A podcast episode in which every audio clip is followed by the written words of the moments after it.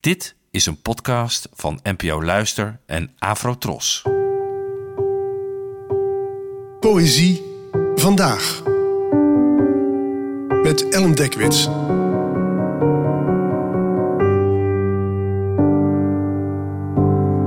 Hallo, fijn dat je luistert.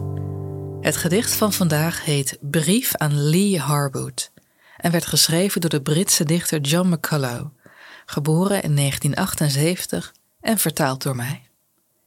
Brief aan Lee Harwood. Lieve Lee, vergeef me. Ik heb je mildheid nodig. De wereld stinkt naar paniek.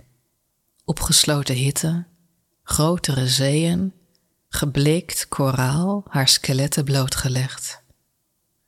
Een virus houdt de helft van mijn vrienden van de straat. Ze spoken achter gesloten ramen. Eenzaamheid is een wilde fabriek. Ze maakt dingen die niemand wil. Mijn bejaarde buurman vindt zijn kraanwater verdacht. Erg troebel geworden, een soort chloride smaak. Hij is doodsbang voor enveloppen. Papier aanraken en dan zijn lippen, beide handen verweerd van het boenen. De golems die aan de macht zijn, kunnen onze overleden verpleegkundigen niet opnoemen. Of de buschauffeurs. Maar ze zijn erg trots op de reactie van de overheid. En we moeten allemaal ons best doen om door te gaan.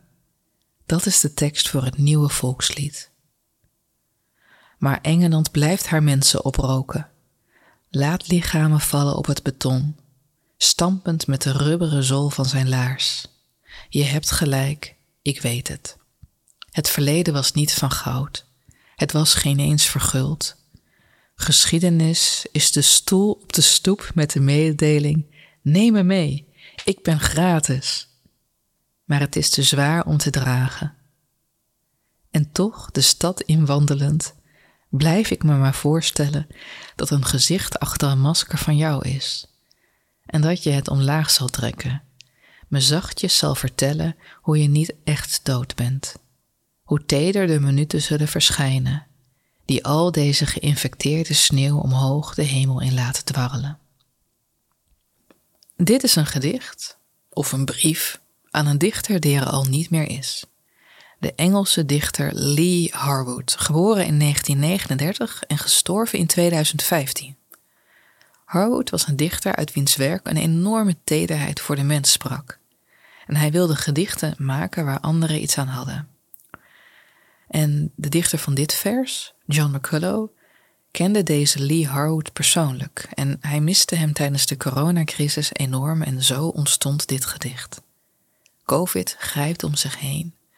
De wereld stinkt, zo staat er, naar paniek. In het begin gaat het over de wereld die uit elkaar valt. Er is steeds meer hitte, er zijn zeeën die aanzwellen, er is stervend koraal.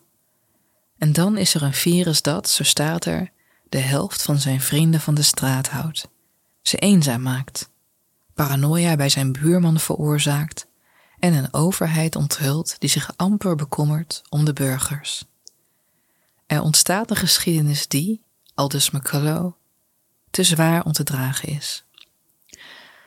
En toen ik dit gedicht las, moest ik denken aan het boek Traumasporen, waarin psychiater en voormalig zomergast Bessel van der Kolk schrijft dat verbeelding essentieel is voor de kwaliteit van ons leven. Door te fantaseren roep je dingen op die je blij maken. Kan je even ontsnappen aan dat wat je bang maakt. En dat is ook in dit vers aan de hand. McCullough roept zijn dode vriend op, die de sneeuw terug de hemel in laat vallen. Terug naar vroeger, toen hij er nog wel was en toen er nog geen corona bestond. De verbeelding wordt hier even ingezet om te kunnen ontkomen aan het hier en nu. Al is dat, zoals altijd, maar voor even. Bedankt voor het luisteren en tot de volgende keer. Afro Tros, de omroep voor ons.